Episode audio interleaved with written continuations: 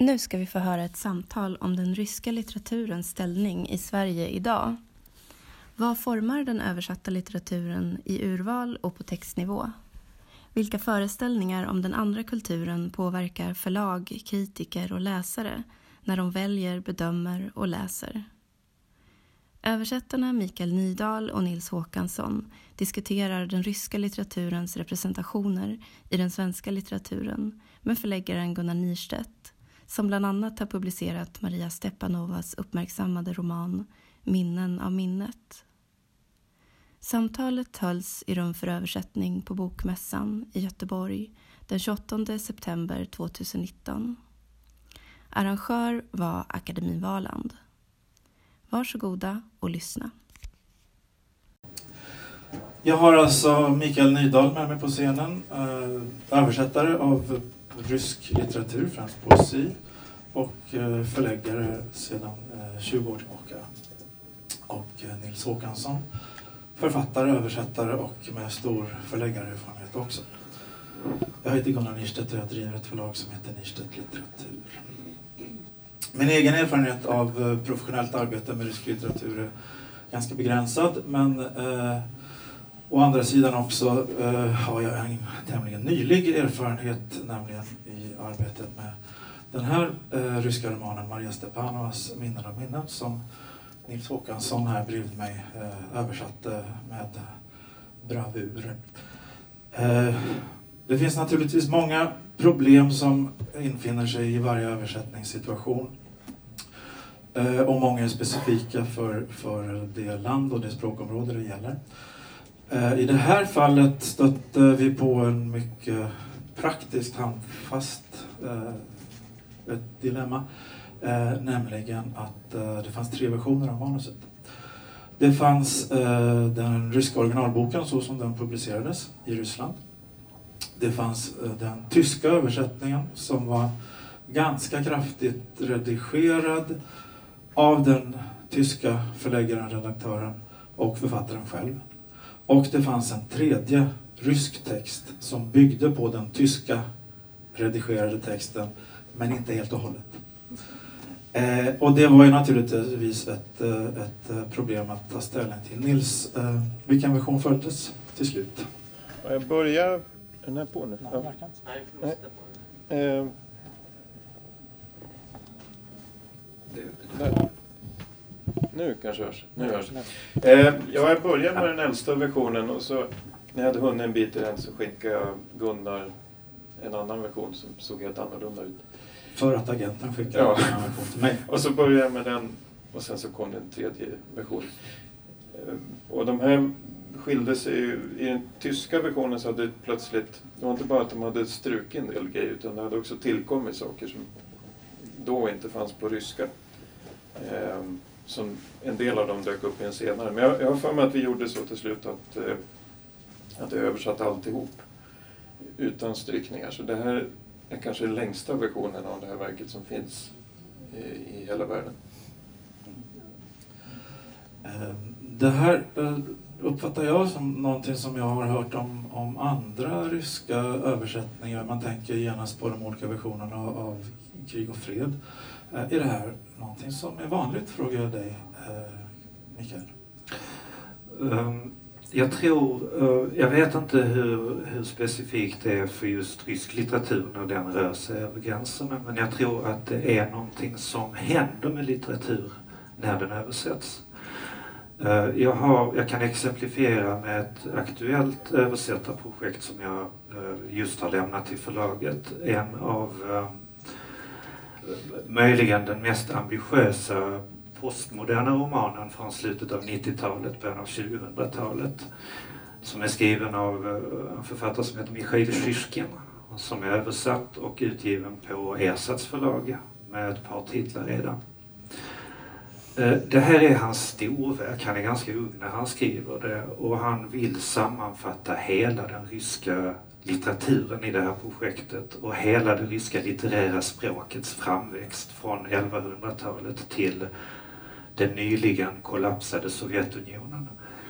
Så det är ett enormt eh, ekorum av fragment, röster som kommer från olika platser. Och när det här verket kom ut runt 2000 i Ryssland utan kommentarer så är eh, den ryska läsaren är ju exponerad för den här texten som en händelse, inte som kunskap om litteraturhistoria. Men när man börjar översätta den så måste man ju ta reda på vad allt det här är för någonting. Var kommer den här rösten ifrån och var, var kommer det här citatet ifrån? Och som översättare alstrar man en massa kunskap om verket som gör att den text som jag producerar på svenska den är genom mina eh, beslut som översättare och genom mina kommentarer så är det en mycket öppnare text än originaltextet, originaltexten. Och det gör att för varje översättning som görs av, av ett sånt här verk så förändras själva verket. Nu ligger originaltexten kvar som den låg därför att uh, den är inte återutgiven uh, i, i Ryssland annat än som en reproduktion. Men man kan följa hur boken och dess sätt att kommenteras förändras för varje översättning. Den finns på franska och den finns på tyska också.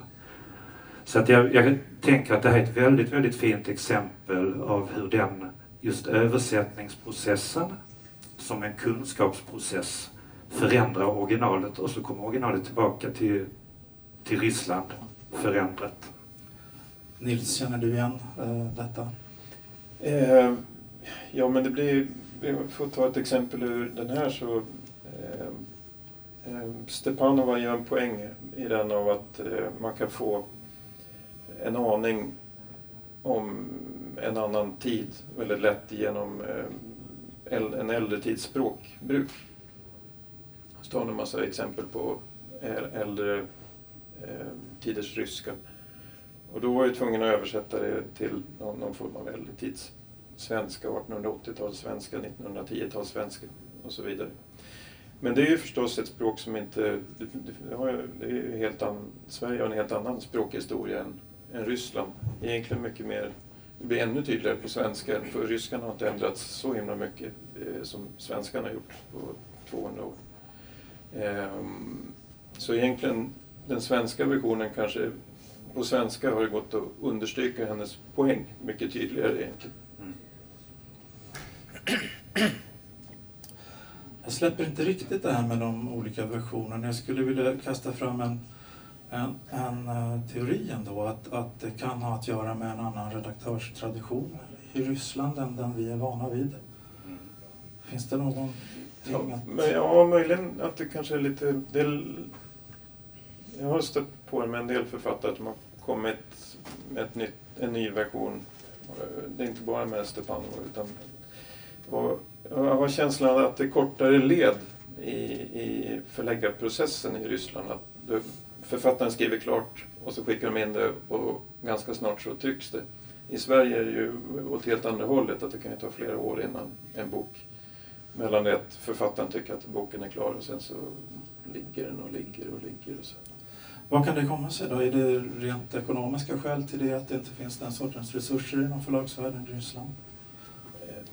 Mikael? Jag har en ehm, jag har gjort en iakttagelse som helt säkert hänger samman med detta och som har att göra med vilken roll internet spelar för eh, publikation av samtida nyskriven litteratur i Ryssland och förmedling av äldre litteratur också.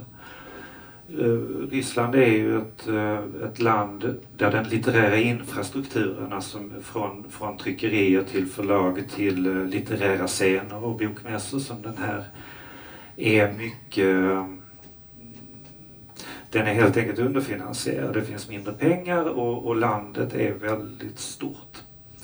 Och det har gjort att internet har blivit en mycket mer central arena för att publicera samtida litteratur.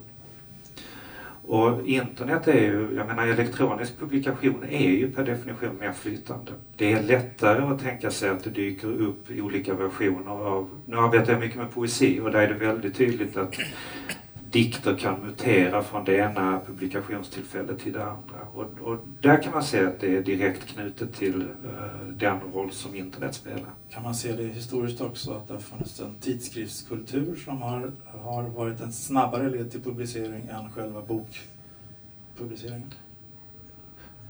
Ja, och en samistat... Samistat-litteratur ja. naturligtvis. Litteratur. Mm, äh, där, där, får jag en lite banal idé att, att samistat-litteraturen just äh, har varit äh, ett blodomlopp av sådana värdefulla föremål i form av manuskript. Mm. Att, att de kanske har betraktats som urkunder som inte ska redigeras alls. Och att mm. det, det, kan också ha präglat synen på, på arbete med text. Helt säkert. Um, helt snarare får det väl lite motsatt effekt att, att de, de, dyker upp i lite olika versioner. De här, mm. att, för att eh, någon avskrift råkade bli så eller någon tog en väg via utlandet eller vad det kan vara.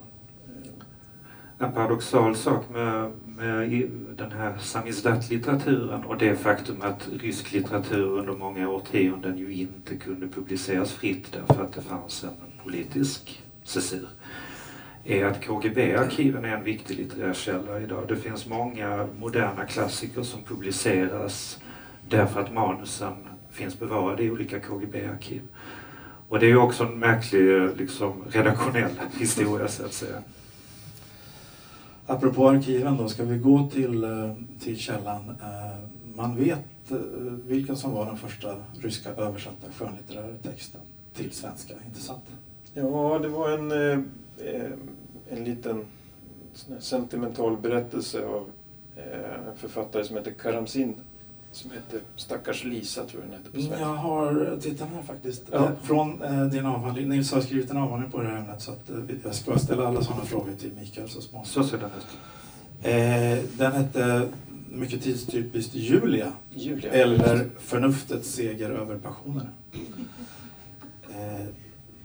Det var alltså den första som översattes och där finns det också en översättningshistoria eftersom den först översattes via tyska och, och andra språk. Alltså var det ju länge, egentligen ända fram till slutet av 1800-talet, förra sekelskiftet, så översatte man eh, rysk litteratur via andra språk. Det, de första eh, som eh, brydde sig om att lära sig ryska och som också kunde översätta, de, de var verksamma mot under, under 1890-talet så, så kommer de egentligen. Eh, förutom några i Finland som hade förstås lärt sig. Eh, Finland har ofta fungerat som en viktig eh, vad ska man säga, förmedlingsstation för rysk litteratur till eh, Riks-Sverige. Kan man betrakta den här boken som representativ för rysk litteratur från den tiden? Ja, det, det, kan man väl på sätt och vis. Den ryska litteraturen var ju ganska liten vid, vid den här tiden. Eh, så det, det, det var ju ett stort namn. Samtidigt så eh, var den ju, när den hade vandrat via Tyskland och Frankrike så, där, så hade den ju blivit lite normaliserad till, och den var från början skriven efter någon slags europeisk eh, standard, standardmall. Och det var ju egentligen eh, när man började känna att det fanns något genuint ryskt som spreds, det var, det var egentligen först senare på 1800-talet. Den här eh, översattes väl snarast för att europeiska läsare kunde känna igen någonting av deras egen litteratur? Ja. Om man ser det till rent krasst eh, vad förlagsbeslutet, eller beslutet att översätta den byggde, byggde på. Eh, det måste ha funnits mycket annan litteratur som, som gav uttryck för helt andra saker i Ryssland samtidigt. Um. Ja, kanske inte så tidigt, lite längre fram, på, en bit in på 1800-talet, första halvan, så ser man däremot att det sker en viss eh, exotisering av Ryssland i själva urvalet. Att man, man väljer ut, och det översattes en hel del äventyrsromaner framförallt som utspelar sig i Kaukasus med massa bergsrövare och, och långt bort i Centralasien och, och, och så. Men då tog man mycket fasta på, på det här exotiska Ryssland. Eh, Mikael, när vi talar om rysk litteratur så, så eh, är det inte en, en helt enkel sak. Eh, den består av mycket annat. Den består av mycket. Ja, det var, det var en reflektion som, som vi gjorde och du tangerade nu när du talar om det kaukasiska temat i den ryska litteraturen. Men en sak som jag ständigt um, blir påmind om när jag arbetar som översättare av rysk litteratur och förmedlare av rysk litteratur i Sverige är att eh, den ryska litteraturen är Eh, Alltså, man tänker sig enkelt att rysk litteratur skrivs av ryssar i ett land som heter Ryssland och, och så enkelt är det. Men i Ryssland finns det 150 av konstitutionen erkända minoriteter. Landet är, som alla vet, världens största till landytan. Det är alltså otroligt heterogent. Både sociologiskt, geografiskt, språkligt, kulturellt, religiöst. Och när vi talar om rysk litteratur så har vi en tendens att eh, ja, exotisera det ryska, att romantisera det ryska. Och det finns en väldigt låg beredskap eh, hos en svensk läsare att eh, titta, leta efter sprickorna i det här ryska då.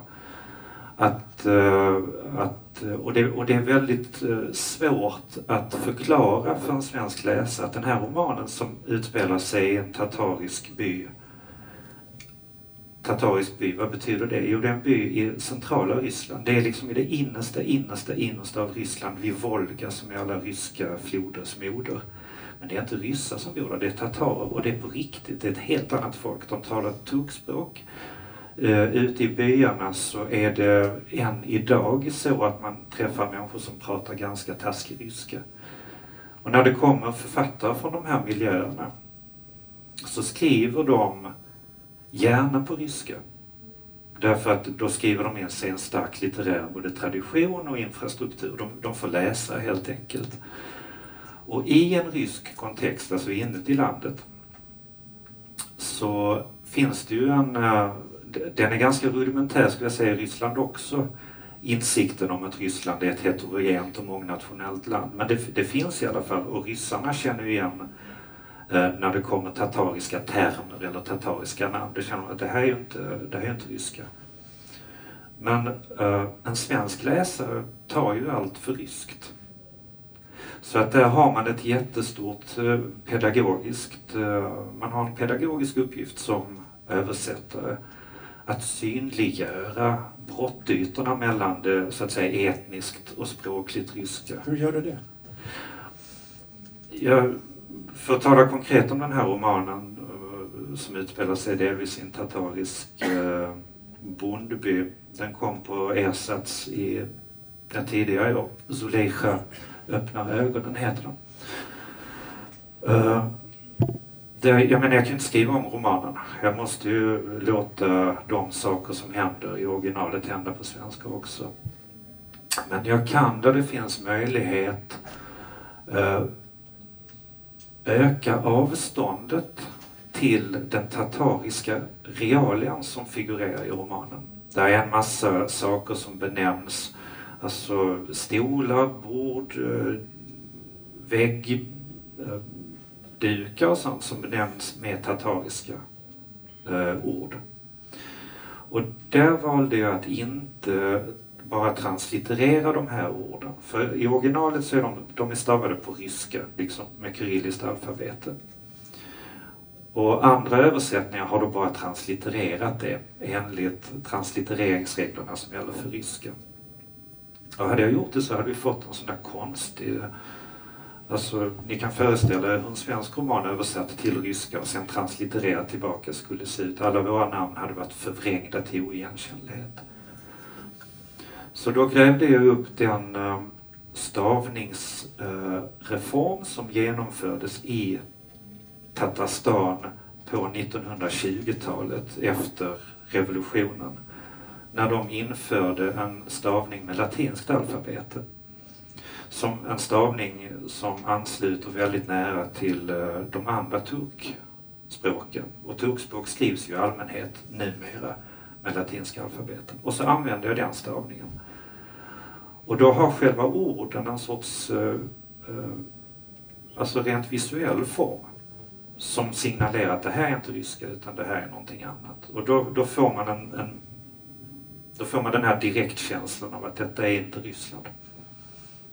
En heterogen litteratur alltså, men i eh, den översättning som har gjorts av litteratur genom tiderna har, har man eh, fokuserat på olika saker genom tiderna. Man har velat lyfta fram olika saker, kanske av rent ideologiska skäl. Vill du skissera lite hur det där har sett ut? Ja, länge har man gjort lite eh, ska man säga, motsatt. Man, man, har ofta kanske velat förstärka eh, det ryska inslaget. Alltså man översätter vodka med vodka, inte med sprit. Mm. Så att säga, för, för att poängtera att eh, det är många eh, romaner. Ett tag, mot slutet av 1800-talet så översattes alla ryska romaner med inte med sina titlar utan med ryska namn. Brott och straff hette Raskolnikov mm. i sin första översättning för att visa att ja, men det, här är, det här är från ryska och det är, inte, det är framförallt intressant för att det är, det är ryskt, inte för att det har någon sån här kul metafysisk eh, innebörd. Um, så en sån tradition finns ju definitivt att försöka eh, understryka eh, det ryska ursprunget i det hela. Men det har också eh, funnits eh, redaktionella sätt att välja vissa aspekter av det ryska att framhålla genom tiderna. Menar du? Från svenska förlag? Ja, jo, hela vägen. Både i, i urval, att man kanske väljer ut verk som eh, eh, tydligt på något sätt handlar om Ryssland snarare än eh, verk som på något sätt kan visa hur det är, eller som man kan presentera så i alla fall. Snarare än verk som eh, eh, bara är roliga eller bara är underhållande i sig. Och sen så har det också funnits en, det har försvunnit nu, men länge så kunde man ju i ryska översättningar, översättningar från ryska till svenska ofta hitta fullt med såna här fotnoter eller liknande som förklarar vad ja, det här ordet det betyder egentligen, det här stod det längst ner. Så det blev mindre en skönlitterär text och mer någonting som man skulle lära sig av. Så, typiskt, då stod det kosackmössa som användes på 1840-talet längst ner istället för att det bara översattes till en mössa eller någonting. Så det har nästan varit en utgivning som har inriktat sig på ett slags antropologiskt intresse? Ja, för att de ville att... Det, finns väl eh, um, både hedervärde och mindre hedervärda motiv för det här. Alltså dels så är det ju förstås intressant med ett stort grannland som funkar eh, på många sätt annorlunda än Sverige. Då, då kan ju det vara ett skäl till att man översätter. Eh, men det, drivs man för mycket av det så kan ju det förstås understryka skillnaderna väldigt mycket mellan Sverige och, och Ryssland snarare. Kan du komma på en rysk roman som har översatts till svenska som inte utspelar sig i Ryssland eller handlar om Ryssland? Som inte är science fiction och så vidare? Nej, men det är väl sådana, den typen av böcker som har kommit först nyligen. Men de, eh, och, då, och de är då tydligt anpassade ofta till en lite angloamerikansk eh, romannorm för science fiction eller fantasy. Eller så. Eh, men annars så... Jag vet inte, det, det, är svårt att säga. Det finns ju förstås alltid ett ryskt element i en rysk roman.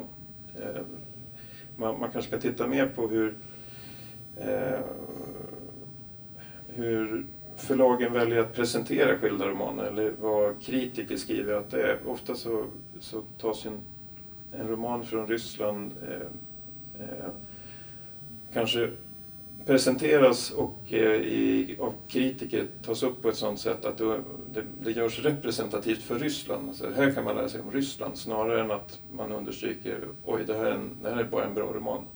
Punkt.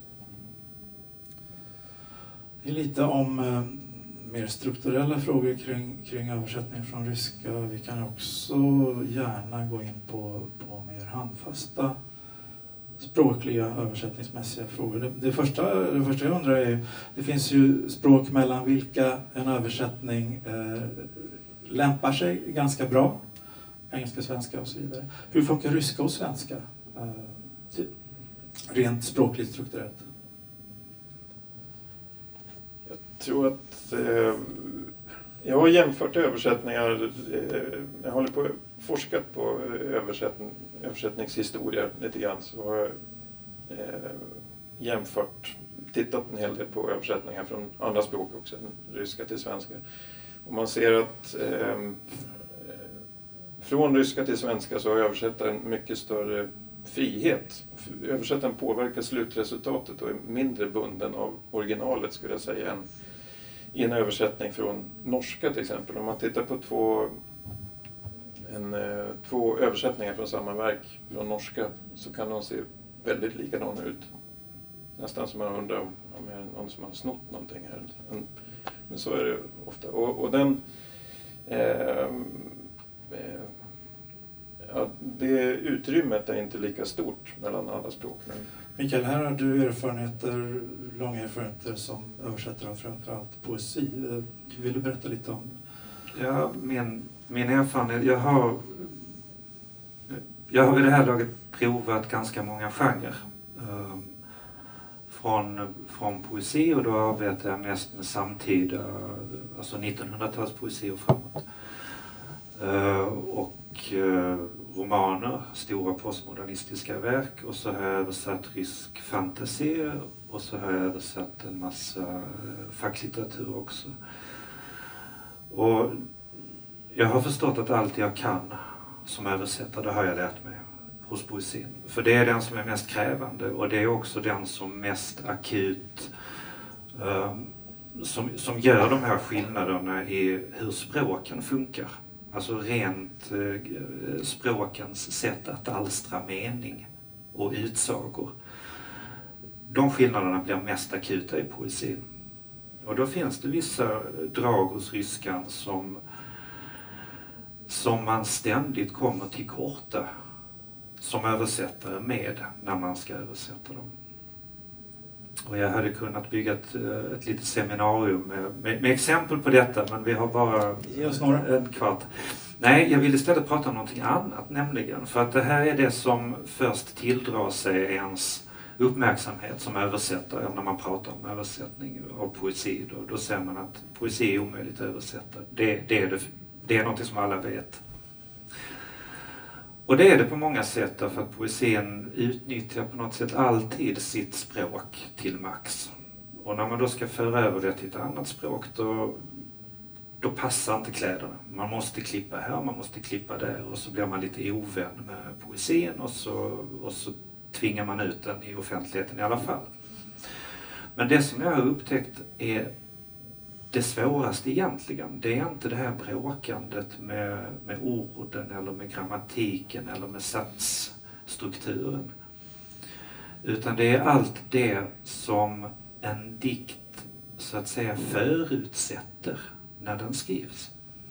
En dikt skrivs alltid in i ett specifikt eh, ögonblick i språket och litteraturen. Alltså den, den skrivs mot fonden av en tradition.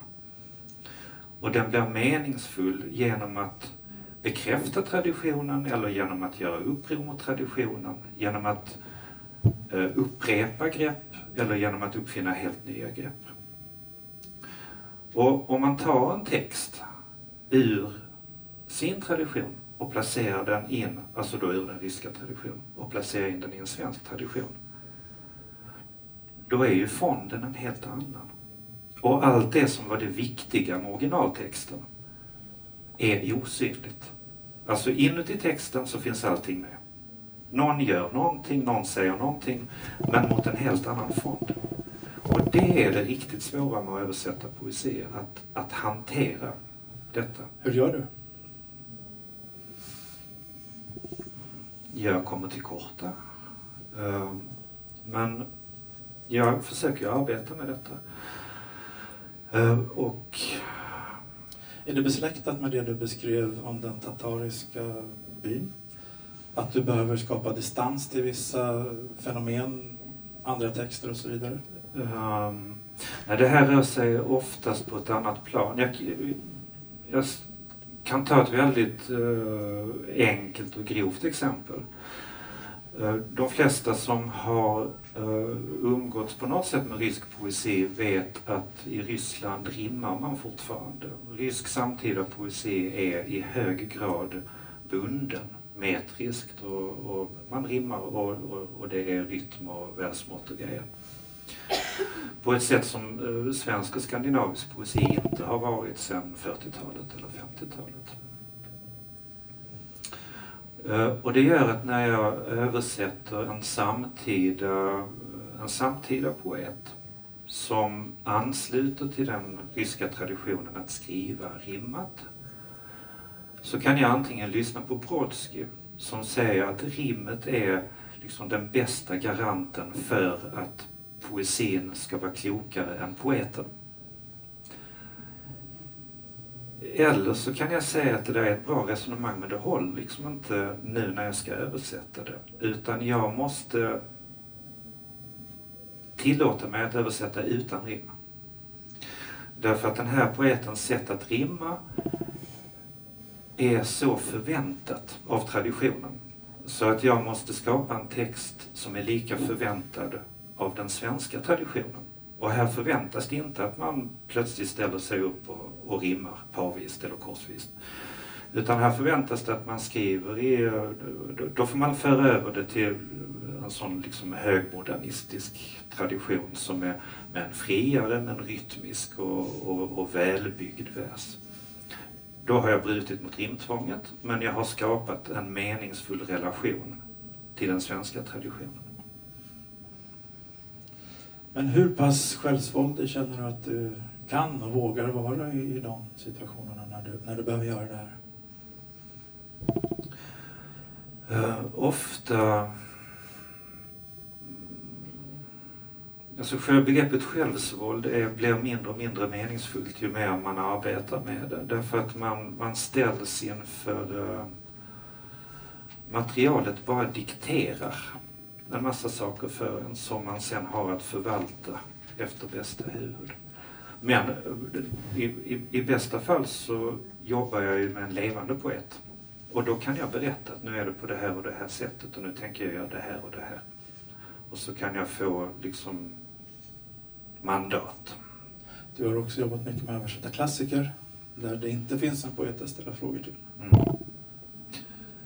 Ja, då får jag ju tänka mig att han eller hon ger mig det mandatet.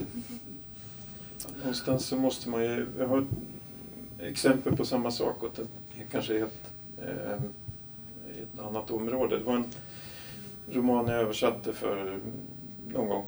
Som, eh, det var en fantastisk bok tyckte jag på alla sätt, förutom på i, ett, i en liten eh, bisats. Så det var en manlig författare, han slängde in en, en ganska typ, för en del ryska män typisk eh, sexistisk liten grej. Om, det, var, det var något om kvinnor i största allmänhet. Så. Som eh, den gick inte att släppa igen. Jag hade sänkt hela boken för en svensk läsare. Då, då hade han läst, njutit av det i hundra sidor och sen sa bara nej, nu sa han så här. Det hade inte funkat att släppa igenom det. Så det, det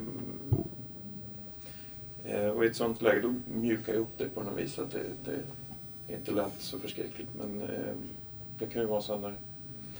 Och, och den kommentaren stack nog inte ut så mycket för en, en rysk läsare som det hade gjort för en svensk. Och det, ja. I min begränsade erfarenhet i min fattabur av ryska romaner som jag har arbetat med finns eh, Tatjana Talstojas Derv eh, som kom ut för kanske 15 år sedan och sånt där i Staffan Scotts, som jag skulle vilja säga, självsvåldiga men fantastiska översättning. Eh, det, är en, det är en roman där, där språket eh, har havererat och där, där kretsar rester av olika språkliga traditioner, litteratur och så vidare. Eh, och i den citeras en dikt, jag minns inte vem poeten är, Pushkin troligen, en sån som alla i Ryssland omedelbart känner igen. Eh, och det kunde ju Staffan Skott inte riktigt fånga, precis så som, som du säger. Och då, i den svenska översättningen blev det Ekelund. Ja, det är väl jättebra. Det, ja, då vore bokarna ljusa, men då vore björkarna ljusa. Eftersom det inte finns så mycket bokskog i, i Ryssland. Eh, eh, självsvåldigt, genialiskt och så vidare. Eh, hur, hur, hur ser ni på en sån lösning? Är det, är det så att säga tillåtet? Ja. ja, ja om man lyckas så bra som han gjorde i den så är det absolut tillåtet. Det är, det är en otrolig översättning det där. Eh, kanske lite eh, ett skäl till att att det går är ju också att den utspelas i en miljö där allting är upplöst och konstigt från början. Hade det varit en realistisk liten berättelse så hade det kanske varit konstigt om någon hörde mamma är lik sin mamma på radio eller någonting. Mm. Men jag tror att den här typen av litteratur som arbetar med allusioner och, och citat och, och så. Där är den verksamma funktionen i litteraturen eh, det som texten vill uppväcka hos läsaren är ju igenkännandet. Att man hör att ah, det, det här kommer någon annanstans ifrån. Igenkännande av ett konkret verk eller att man bara hör att det här är en annan ton. Och eh, om man talar om självsvåld eller om man talar om eh, trohet mot texten eller, eller att då, eh, komma med egna saker. Då tänker jag att troheten mot texten kan ju diktera just det att här måste du göra så att en svensk läsare hör att det här är en annan röst. Och då får man ju använda det material man har och, och om det inte skär sig av, av några helt speciella skäl så tycker jag att kasta in en förvrängd Ekelund, det är, det är mycket välfunnet. Det är också ett lite extremt exempel, för ofta befinner man sig som översättare i andra änden när man så tvingar in kanske en viss kommatering i svenskan som känns främmande för svenskan, men som man tycker men det måste vara så här. Så att man, man, är, eh, man befinner sig ofta i, i andra änden av spektret kanske. Eh, det finns ju ofta skillnader i, i, eh, i eh, hänseende vad gäller olika tempus och liknande som kan försvåra rent berättartekniskt. Har ni några exempel på sånt? Ja, det, det är några klassiska översättningsmissar från, ryssar, från ryska när man, till svenska, att man bommar eh, uppdelningen i olika tempusordningar. Mm. Eh, det där kan lätt, när det går för snabbt för översättaren så flyter det lätt ihop. Ehm, så det, det är en sak man behöver vara, vara noga med. Så... Ryskan har ett webbsystem som inte är så upptaget som vårt av i vilken ordning saker och ting görs. De har ett webbsystem som är upptaget av huruvida handlingar pågår, upprepas eller avslutas. Och är man inte uppmärksam som du säger så, så kan man påstå väldigt konstiga saker på svenska utan att eh, ens märka det själv. Det nämnde för mig också att ryskan saknar pluskvamperfekt. Det är ju pluskvamperfekt är ju ett fantastiskt redskap för att gå från ett tidsplan till ett annat exempelvis. Ja, ja. Och det är det som du beskriver Nils, att har man bråttom som översättare så glömmer man det är jättelätt att glömma att svenskan har pluskvamperfekten för att den ryska texten påminner en inte om det. Och så får man en text som är ganska stum och platt. I, i, det är liksom bara en fondvägg istället för en tredimensionell uh, tidsbakgrund. Och då, uh, vi, vi använder inte ordet självsvåld, men då måste den svenska grammatiken fungera och uh, påverka hur, hur ni tolkar vad som sker. Ja. Ja, men det är ganska självskrivet. För, det, det, den, för en ryss så finns det ju den där uppdelningen i tidsplan ändå på något vis. Det, det är mer att en, för en svensk läsare så, så funkar det inte att bara köra på ett. Sen är ju kom, eh, alltså, eh, skil, användningen av skiljetecken är kanske en sån här sak som svenska redaktörer brukar hugga på. Att I ryskan så använder man, man är flitigare med att använda ja, egentligen alla skiljetecken än i svenskan. Alltså, man har mer kolon, man har mer såna här tankestreck, punkt, punkt, punkt. Utropstecken och patetik, hur ställer ni er till sådant? Går det att, att ropa repliker till varandra i en svensk översättning som man gör i ryska? Ja, ja. Det, kan man ja. det är klart det går. Men man måste ofta, jag menar det finns, eh, det finns en instans som man ständigt måste pröva sina översättningar mot när man arbetar med dem. Och det är en sorts eh, rik men idiomatisk och i någon mening typisk svenska. Alltså som översättare så vill man ofta framhäva det märkvärdiga med den här texten och framhäva egenheterna hos den. Men jag eh, tror att eh, också ganska märkliga texter mår bra av att hela tiden prövas mot en just eh, en rik och böjlig men ändå standardsvenska. Eh, för att då märker man jättemycket konstigheter som man gör av misstag. Sen kan man välja vilka konstigheter man vill ha kvar. Men eh, att, att pröva till exempel att tala texten som man översätter är ett väldigt effektivt sätt för att se om det är en hållbar text eller om det bara är en eh, liksom fiffigt byggd skriven konstruktion. Daniel Gustafsson sa att vi håller på till 5i, Det är nu det. Eh, låt mig säga så här, om ni är ute efter någonting riktigt eh, intressant och spännande att läsa, leta efter böcker som Nils Håkansson eller Mikael Nydahl har översatt. Då kan ni vara säkra på att det blir spännande. Den här finns till försäljning utanför också om någon skulle ha blivit intresserad av den. Tack för att ni kom. Tack.